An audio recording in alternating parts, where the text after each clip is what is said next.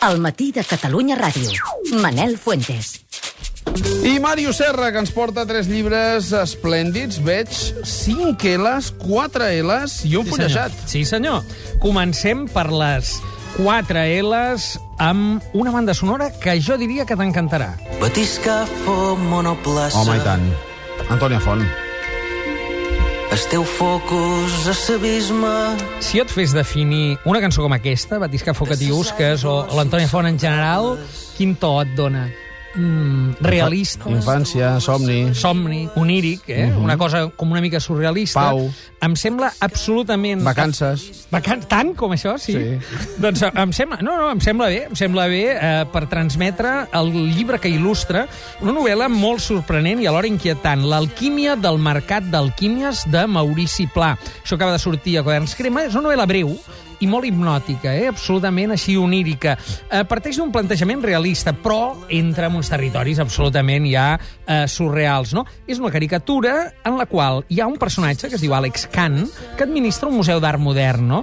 La seva dona, en canvi, té una pastisseria de la mateixa ciutat, que és una ciutat que comença per K, eh? una cosa molt kafkiana tota. Tenen una filla de 7 anys que es diu Cristina, amb K, també. I busquen un quadre original de Paul Klee, amb K, uh -huh. també, que és el Ciutat amb Talaies. Ara bé, entren en una dinàmica de moltes obres falses, còpies, falsificacions, i comencen a aparèixer personatges una mica tèrbols, entre els quals, doncs, un parell de germans àrabs que trafiquen amb art, eh, Karim amb K, també, i la Dàlia, i van a petar el mateix fill del pintor, del Paul Klee, que és, es diu Fèlix Klee.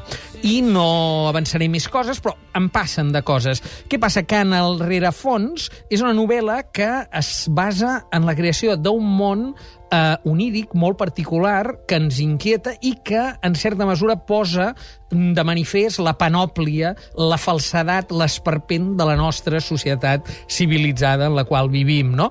Una novel·la d'aquelles que et va sorprenent, que no saps ben bé com prendre-te-la, perquè tot és amb un to realista, però cada cop la cosa es dispara més, i apareix un element que és la diosa... A veure si dic bé, diosapina, que és com una mena de droga estranya en la qual tothom acaba traficant, no? Estan els iogurts, no? No estan als iogurts, però te la pots prendre i al·lucines... Amb diosapina. Mandarines o, o pepinills o alguna cosa així. En definitiva, una molt bona recomanació, un llibre, mm, diguem que s'aparta de, de, del, del gruix general de propostes novel·lístiques i, en tot cas, ja d'un autor consolidat, el Maurici Pla, que ha fet assajos, que ha fet contes, que ja té una carrera, però que és molt poc conegut. Jo crec que mereix eh, que ens hi acostem, aquesta alquímia del mercat d'alquímies, Maurici Pla a Quaderns Crema. Mots clau, engany, art, diosapina, eh? diguem-ho bé, també sabates, perquè hi ha un sabater important en aquesta obra, piastres, que és la moneda d'aquesta ciutat de Quinèsia, erotisme, feixisme, pastissos, Paul Klee, Franz Kafka, i m'atreveixo a posar-hi també, en un to de comèdia, Jardiel Poncela. I've got you under my skin. de 4 L's a 5 L's. La importància de ser franc. Sí, senyor. Sinatra? Eh, Bé, poso, eh, és el primer franc que m'ha vingut al cap. Mm, barrejant importància i franc m'ha sortit aquest. Sí. Ens posem a la pell d'algú i ens posem en l'anèssima traducció i edició, però no per això menys recomanable, de l'única comèdia que va escriure Oscar Wilde i una de les millors obres seves. La importància de ser franc, com veus aquí en aquesta edició, que és una traducció al català de Jaume Auferil i que ho publica 3 i 4 al País Valencià, en aquest eh, territori en el qual no es pot veure un canal de televisió. No, I cada vegada, I cada i cada vegada més vegada a, a complicadament, no? l'educació a, a aprendre català. Certament, certament. Per tant, eh, reivindiquem també les editorials del País Valencià. En aquest cas, eh, es tracta, com dic, d'una anèssima traducció. Ara bé, s'acull a una tradició que ja ve de Jaume Melendres, que és canviar-li el títol, perquè el títol original és The Importance of Being Earnest, que diu Ernest, però que és un joc de paraules en anglès, perquè to be earnest vol dir ser seriós, no? Diguem, anar eh, seriosament. O honrat, o honest. Exactament. Llavors aquí busquen amb el joc de, de ser franc, que això ja ho havia fet en Jaume Melendres a finals dels, dels anys 70, no? Eh, ha provocat, és, és una anècdota, però ha provocat diverses vies. Fins i tot hi ha una traducció al castellà del mexicà Alfonso Reyes, que és la importància de ser severo. És a dir, que aquest Frank, eh, eh, Ernest en l'original, Sí. li han posat tots els noms del món per intentar mantenir aquesta duplicitat. En tot cas, recordem-ho, una comèdia hilarant, una comèdia que retrata la societat victoriana a partir de l'engany, començant ja per l'engany dels protagonistes d'aquest eh, Frank, eh, de l'Ernest, que aquí es diu Frank, i el seu fals germà Jack, que provoca doncs, els clàssics embolics eh, de les bones comèdies de tot el temps. No cal descobrir Oscar Wilde d'aquestes alçades.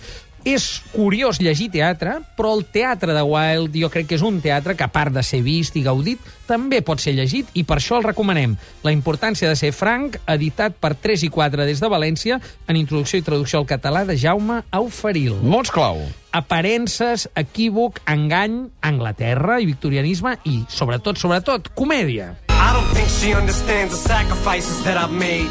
Maybe if this bitch had acted right, I would have stayed. But Aquest és l'Eminem. Sí, senyor, ens posem, ens rejuvenim, ens posem juvenívols per recomanar un llibre que es presenta avui, es presenta avui a Manresa, demà a Barcelona, d'un col·laborador d'aquesta casa, de Marc Serena, La volta dels 25. Aquest és un llibre que eh, té un subtítol que ho explica, un atles generacional de Johannesburg a Moscou, eh? en Marc Serena ho publica en català, la Magrana i en castellà, edicions B, és un llibre d'entrevistes, és un llibre d'un projecte particular que molts vam conèixer primer a través dels blogs, eh, del blog que va fer Marc Serena, mentre va fer la volta al món, anava entrevistant a gent de tots els països que visitava que tingués 25 anys. Eh, 25 anys és una bona mesura per eh, marcar la pauta de les expectatives de qualsevol societat, perquè són gent jove, però que ja està una mica encarrilada, diguem, no en té 18 i tot uh -huh. plegat, no? De manera que acaba sent, jo l'he fullejat, l'he mirat, és interessant, és un llibre de viatges, però acaba sent un retrat generacional d'aquest món que canvia i que veiem als telenotícies ara constantment en tants àmbits eh, revolucionaris i provocant tants i tants canvis. Per tant, una recomanació juvenívola, revolucionària també, eh, aquest llibre de Marc Serena, La volta dels 25, un atles generacional de Johannesburg a Moscou, passant per molts altres indrets, amb gent jove, d'un quart de segle. Un moment, Màrius, perquè el Sergi Sant Martín ens envia un mail que diu us voldria demanar un favor. Tinc una amiga que està sortint d'una depressió i m'agradaria que en Màrius Serra em recomanés un llibre no molt llarg per animar-la. Moltes gràcies per avançat. Molt bé.